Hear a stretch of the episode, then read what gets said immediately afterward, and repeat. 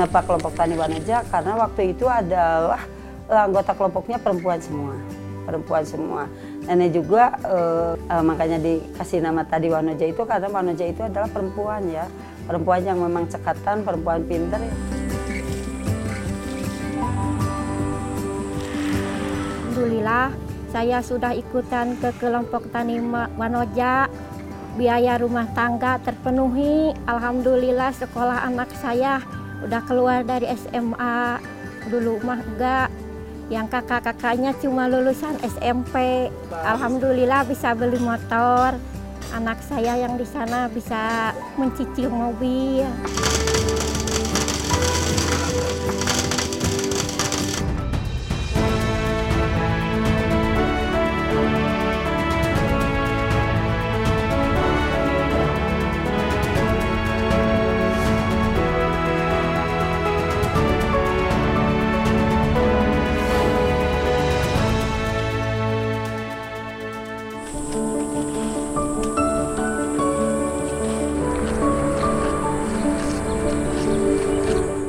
Langkah Eti Sumiati terasa cukup berat menyusuri sisi demi sisi kebun kopi miliknya.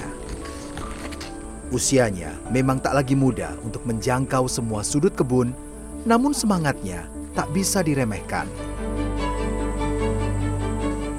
Hampir setiap hari, nenek berusia 69 tahun itu mengecek langsung kebun kopi seluas 20 hektar miliknya. Dibantu beberapa pekerja, ia cekatan memilih dan memetik biji-biji kopi yang masih tersisa pasca panen raya yang berakhir beberapa minggu lalu. Ya, sudah 11 tahun terakhir Nenek Eti menggeluti budidaya kopi di kawasan Gunung Kamojang, Kabupaten Bandung, Jawa Barat. Dikarenakan kan nenek itu uh, pensiunannya ASN ya dulu uh, eh, 2010 nenek udah pensiun terus kita bingung lah mau diapain ya ada sisa umur mungkin masih punya kemauan gitulah untuk apa gitu ya awal-awalnya tidak berkebun kopi tapi ya berkebun aja gitu ke kebun untuk uh, untuk menghindari rasa jenuh di rumah terus juga untuk memanfaatkan waktu yang ada kayak gitu. Untuk mengisi waktu luang usai pensiun, pada 2012, Nenek Eti menemui para petani kopi di daerahnya. Pada awalnya, ia hanya ingin belajar menanam kopi. Namun, Eti melihat permasalahan bahwa banyak petani kopi yang hidupnya jauh dari kata sejahtera. Mereka itu e, bicara ternyata mereka nanam kopi, terus tapi kopinya tidak laku gitu. Mungkin karena tidak laku di situ, kalau mereka juga tidak bisa ngolah dan tidak belum punya pasar. Ya dan mereka berkesimpulan bahwa tanaman kopi itu ya mau di apa sih mau dibabat gitu karena kan harganya murah dan kita, mereka juga secara ngolah itu belum bisa gitu waktu itu. Eti kemudian bertekad membantu para wanita tani di Kamojang. Ia membentuk sebuah koperasi yang dinamai Kelompok Tani Kopi Wanoja. Di sana, Eti mengajak para petani untuk melakukan hilirisasi produk pertanian dengan mengolah kopi. Kenapa kelompok tani Wanaja? Karena waktu itu adalah eh, anggota kelompoknya perempuan semua. Perempuan semua. E, makanya dikasih nama tadi Wanoja itu karena Wanoja itu adalah perempuan ya. Perempuan yang memang cekatan, perempuan pinter.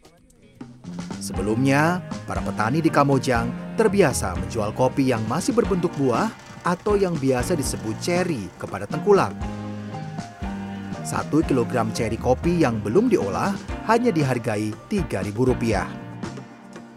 Padahal, kopi dari dataran tinggi Kamojang punya cita rasa yang khas dan berpotensi memiliki nilai jual tinggi jika diolah lebih lanjut. Bermodalkan nekat, Eti kemudian menampung semua kopi milik anggota koperasi sembari mempelajari teknik pengolahan kopi secara otodidak. 2013 kita mengolah banyak banget ya waktu itu sampai apa sampai baru sampai gabah ya karena kita juga nggak ngerti pasar nggak memikirkan rugi laba itu nggak sama sekali nggak terpikirkan yang penting itu mereka itu eh, hatinya beli asal mereka itu biar bertaninya terus gitu ya. Melalui koperasi ini, para petani bisa mendapatkan pinjaman pendanaan tanpa agunan dari bank serta bantuan alat dan mesin untuk mengolah kopi. Hasil panen kopi kelompok tani Wanoja tak lagi dijual dalam bentuk cherry, melainkan dipasarkan dalam bentuk green bean atau biji kopi yang melalui beragam teknik pemrosesan.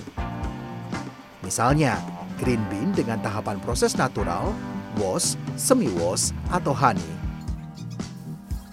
Ada juga kopi yang sudah di roasting atau disangrai dan dikemas dalam berbagai ukuran value atau harga jual kopi Kamojang pun dapat didongkrak hingga lima kali lipat.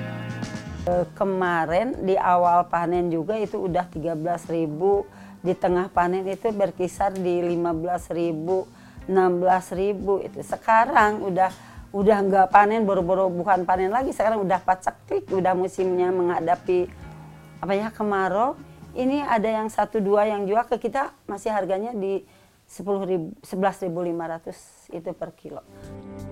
Perubahan model usaha pertanian ini dirasakan betul manfaatnya oleh para anggota kelompok tani. Salah satunya adalah Eis Rohaiti. Perempuan paruh baya yang hampir sepanjang hidupnya bertani di lereng Gunung Kamojang untuk membantu perekonomian keluarga ini menjadi salah satu anggota yang pertama kali bergabung ke kelompok tani Kopi Wanoja.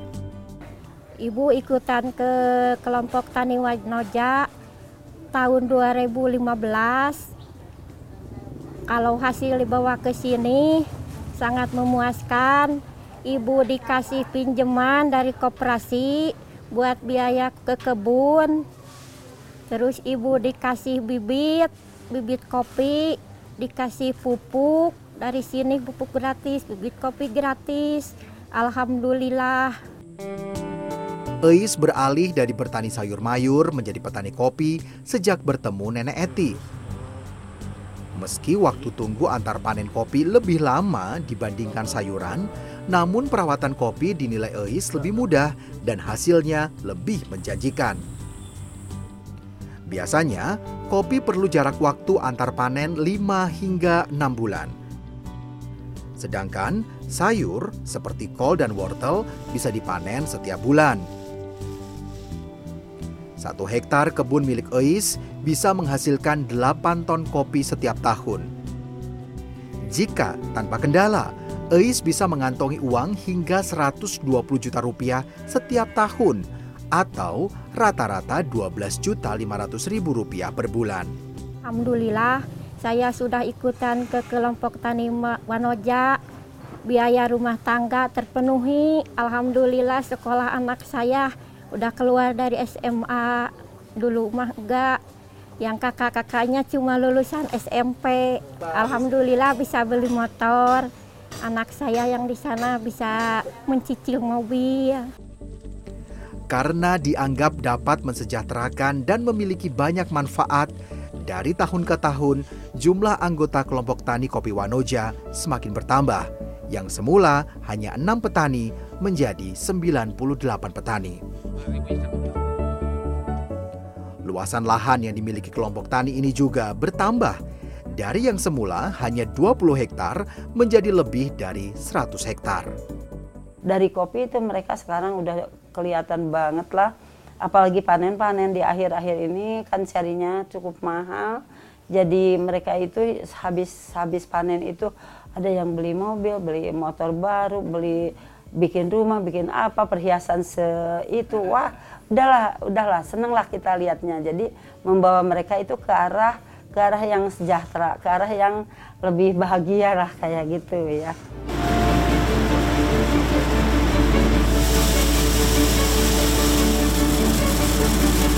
Yang hari ini juga kita lagi mengemas untuk ke Saudi Arabia. Kemarin uh, lima atau tiga hari yang lalu kita ngirim ke Jerman, ke Belanda gitu ya.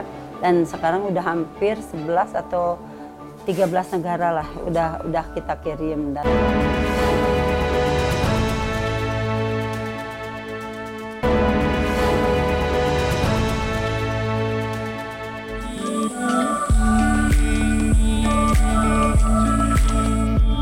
Berada di ketinggian 1700 meter di atas permukaan laut, lereng Gunung Kamojang di perbatasan Kabupaten Bandung dan Garut memiliki segala aspek yang baik untuk budidaya kopi, mulai dari suhu, jenis tanah, dan kelembapan. Jenis kopi yang cocok ditanam di ketinggian seperti kebun milik Nenek Eti ini adalah Arabica dengan beragam varietas lokal seperti Lini Es, Kartika, Sigara Rutang, Ateng, Andung Sari, dan lain sebagainya. Nah kalau yang ada di depan kita ini jenis kopi apa nek? Ah, kalau di depan kita ini jenisnya sigara rutang. Sigarutan. Ah, ini usianya dua mau tiga tahun lah. Dua sampai tiga Jadi tahun. eh, ah, ah, tahun panen besok ini panen raya kayaknya. Oke. Nah, Kalau misal ciri khas dari kopi di sini apa sih nek? Oh, kalau ciri khas kopi di sini, kalau di sini semua kan eh, kopinya jenisnya eh, arabica ya. Hmm. Jadi eh, khasnya itu karena ketinggian di sini 1300 ya ke atas. Jadi agak sedikit ada asam ya, fruity ya, terus juga ada yang ada rasa coklatnya, ada rasa stroberinya, ada ada banyak macam rasa ya. Hmm. Tapi itu tergantung juga kepada yang eh, roastingnya, Roastingnya. yang yang yang lainnya di situ. Eh, mereka mintanya apa ya di situ pasti insya Allah ada ada rasa di situ timbul. Oke. Nah kalau musim panennya sendiri itu biasanya di bulan-bulan apa aja sih nek? Eh, panennya itu terga, sebetulnya tergantung cuaca ya. Hmm. Kalau cuacanya hujan banget itu panen agak lebih awal ya. Kalau rada-rada kemarau itu agak-agak akhir. Ah. Eh, untuk tahun kemarin kita mulai di bulan Maret ya. Bulan Maret, Maret, April udah mulai, Juni, Juli itu udah panen raya. Oh karena ini bulan September jadi udah, Udah masa sisanya sisa-sisanya masa panen sisa. ya ya? Ya, sisa-sisa perjuangan nih. Oke. Tapi masih banyak ya, karena di sini ada lindungannya, lindungannya agak kuat, jadi kopinya matangnya lambat gitu. Ini aku cobain kunyah nggak apa-apa? Ayo, mangga, silahkan. Hmm, manis ya? Manis lah, seperti nenek ya. Untuk mengelola kelompok tani kopi Wanoja, Eti dibantu anak bungsunya yang bernama Satria Amambi. Jika Eti lebih berperan pada aspek pemberdayaan masyarakat, dalam hal ini para petani, Satria memegang peranan pada proses produksi yang lebih menggunakan teknologi. Meski berlatar belakang pendidikan teknik sipil dan sempat bekerja di bidang konstruksi, Satria pada akhirnya beralih profesi. Ia memilih untuk membantu ibunya mengangkat pamor kopi Kamojang. Yang paling utama kenapa eh, kita ikut terjun adalah karena potensinya eh, ada potensi di wilayah kita untuk menanam kopi itu bagus dan hasilnya itu eh, kalau boleh dibilang positif gitu, Eh, ada value-nya besar. Satria bercerita, hilirisasi dalam produksi kopi bukanlah hal yang mudah. Perlu tahapan yang panjang dan penuh ketelitian. Proses mengolah kopi berawal dari identifikasi bahan baku berupa ceri kopi yang datang dari kebun, apakah cocok untuk diproses menggunakan metode wash, honey, atau natural.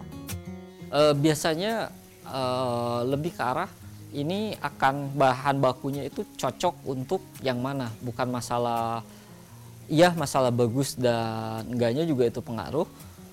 Tapi yang paling penting itu adalah oh ini sebetulnya bahan baku dari wilayah A di wilayah A itu akan maksimal rasanya untuk misalkan natural makanya kita larikan ke natural. Misalkan ini oh wilayah B wilayah B itu untuk natural sebetulnya kurang bagus gitu makanya kita larikan untuk wash lebih ke arah sana sih. Pada umumnya, pengolahan kopi berawal dari pulping atau pengupasan buah kopi dari cangkang. Jika proses yang diinginkan adalah wash, maka hasil pulping perlu difermentasi. Namun, jika yang diinginkan adalah honey, maka hasil pulping bisa langsung dijemur. Sementara, kualitas biji kopi terbaik biasanya diproses secara natural, yaitu ceri langsung dijemur tanpa terlebih dahulu melalui tahap pulping atau fermentasi. Tahap selanjutnya adalah pengupasan kulit tanduk atau huling. Kemudian dari haler itu kita ada size grading. Jadi kita sortir ukuran. Dari sortir ukuran itu kemudian kita ada density grider seperti yang belakang ini. Ini density grider jadi berdasarkan berat jenis kita bedakan berdasarkan berat jenis. Berat jenis yang baik nanti akan uh, punya kualitas yang lebih baik seperti itu. Habis itu kita handpick kita uh, pil, ambil lagi pakai tangan uh, manual karena ada beberapa defect yang biasanya nggak bisa keluar sama mesin-mesin tadi dan pada akhirnya adalah packing di gudang. Pada proses pemasaran, selain B2B atau bisnis to bisnis dengan memasok kopi ke roastery atau tempat sangrai kopi, Satria juga biasa memasarkan secara online kepada individu yang menginginkan green bean kopi Kamojang. Untuk online sendiri, kita mulai di 2000 di mana saat itu kita lagi covid. Jadi terpaksa sebetulnya untuk jualan online tuh yang tadinya kita nyaman dengan offline uh, mau nggak mau karena barang kita banyak sisa jadi kita coba di online dan ternyata alhamdulillah uh, responnya bagus gitu responnya baik. Di tahun 2022 Kopi Wanoja mencoba peruntungan membuka keran ekspor ke beberapa negara seperti Belanda, Jerman, Arab Saudi, dan Jepang. Satria dan ibunya, Eti Sumiati, bergantian mengikuti berbagai ekspo yang dilaksanakan di beberapa negara Terakhir, mereka hadir pada The 2023 Specialty Coffee Expo di Oregon, Amerika Serikat.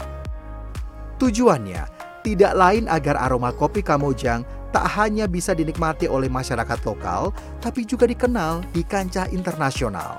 Yang hari ini juga kita lagi mengemas untuk ke Saudi Arabia. Kemarin uh, lima atau tiga hari yang lalu kita ngirim ke Jerman, ke Belanda, gitu ya dan sekarang udah hampir 11 atau 13 negara lah udah udah kita kirim. Mungkin kalau ditotalkan itu kita sudah ada jual sekitar mungkin 6 ton. Ya, 6 ton green bean.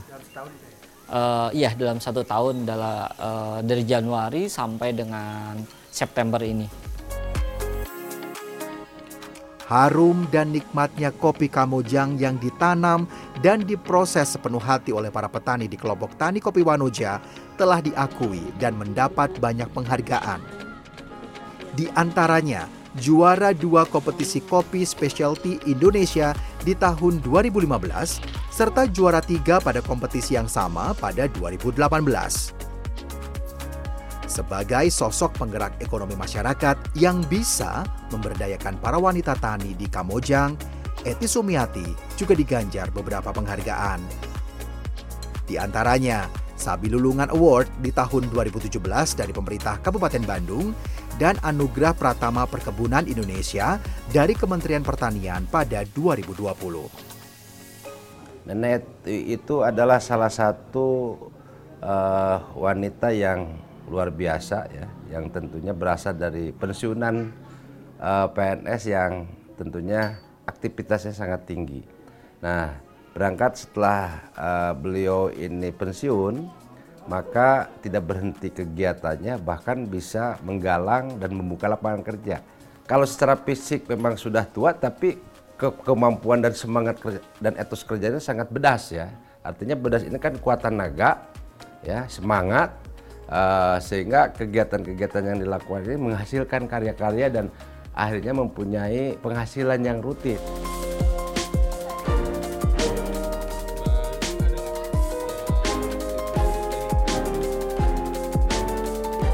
Jadi kalau kopi Indonesia yang kita temukan di Sumatera, di Sulawesi, rasanya itu lebih tebal, lebih bold, lebih coklat, lebih spices gitu. Nah kalau kopi dari Kamojang ini rasanya benar-benar kayak fruity, manis, clean, bersih, tea-like. Jadi benar-benar kayak uh, sebuah experience yang unik lah buat kita untuk pertama kali waktu itu nyobain kopi dari Kamojang.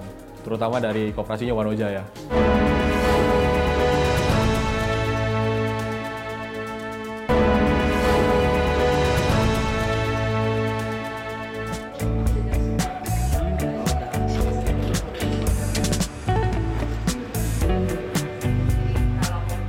Menurut data International Coffee Organization, konsumsi kopi di Indonesia selalu meningkat selama satu dekade terakhir. Tahun 2021, konsumsi kopi di Indonesia diperkirakan mencapai 300 ribu ton per tahun atau naik 4,04 persen dibandingkan periode sebelumnya. Sementara dari sisi produksi, Indonesia menjadi produsen kopi terbesar keempat di dunia setelah Brazil, Vietnam, dan Kolombia. Perkiraan produksi kopi di Indonesia pada 2021 mencapai 774 ribu ton dengan 380 ribu ton di antaranya diekspor ke beberapa negara. Kopi menjadi salah satu komoditas hasil perkebunan paling penting di Indonesia selain sawit dan karet yang berkontribusi pada PDB perkebunan sebesar 16,15 persen. Ya, kalau gue lihat sih ya fenomena industri kopi ini benar-benar kayak berkembang pesat gitu. Uh, ya balik lagi dulu kita dijajah oleh VOC salah satunya gara-gara mereka pengen nanam kopi ke Indonesia dan muncullah uh, budaya kopi stelsel waktu itu.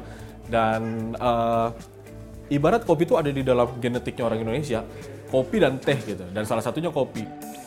Gaya hidup generasi milenial dan Gen Z maraknya kedai kopi atau coffee shop kekinian, serta meningkatnya daya beli masyarakat ditengarai menjadi faktor-faktor pendorong meningkatnya konsumsi kopi dalam negeri saat ini. Sebenarnya awalnya tuh gara-gara uh, ada temen cerita katanya kopi itu bisa ada rasa buah-buah gitu. Ya karena yang aku tahu tuh kopi itu semua pahit kan. Nah terus dari itu aku diajak ke coffee shop nyobain. Terus aku kaget ternyata bener rasanya kopi itu ada yang kayak buah-buah gitu asam-asam.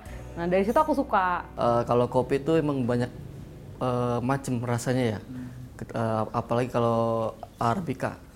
Nah itu bisa macam-macam rasanya.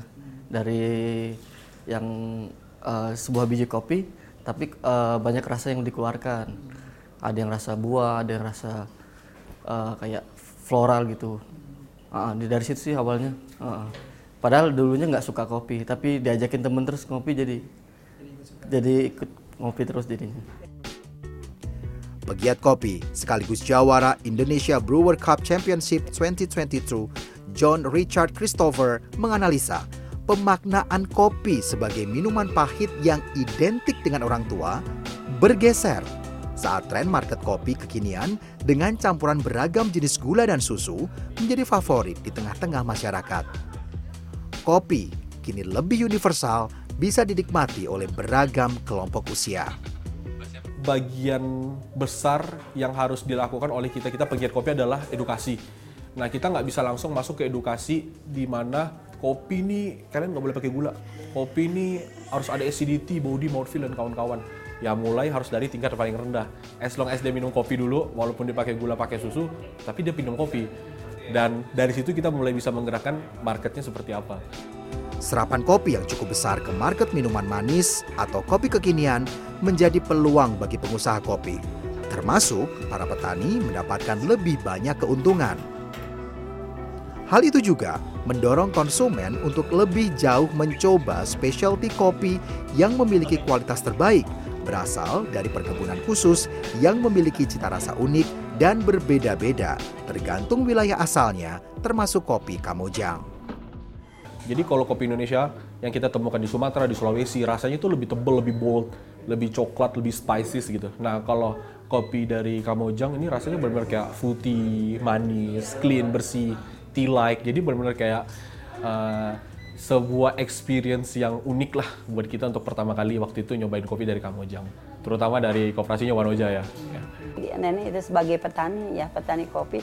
Uh, terus di hilir sana banyak yang pemuda-pemudi atau siapa pun itu menjadi penikmat kopi. Ya bersyukur ya bersyukur banget.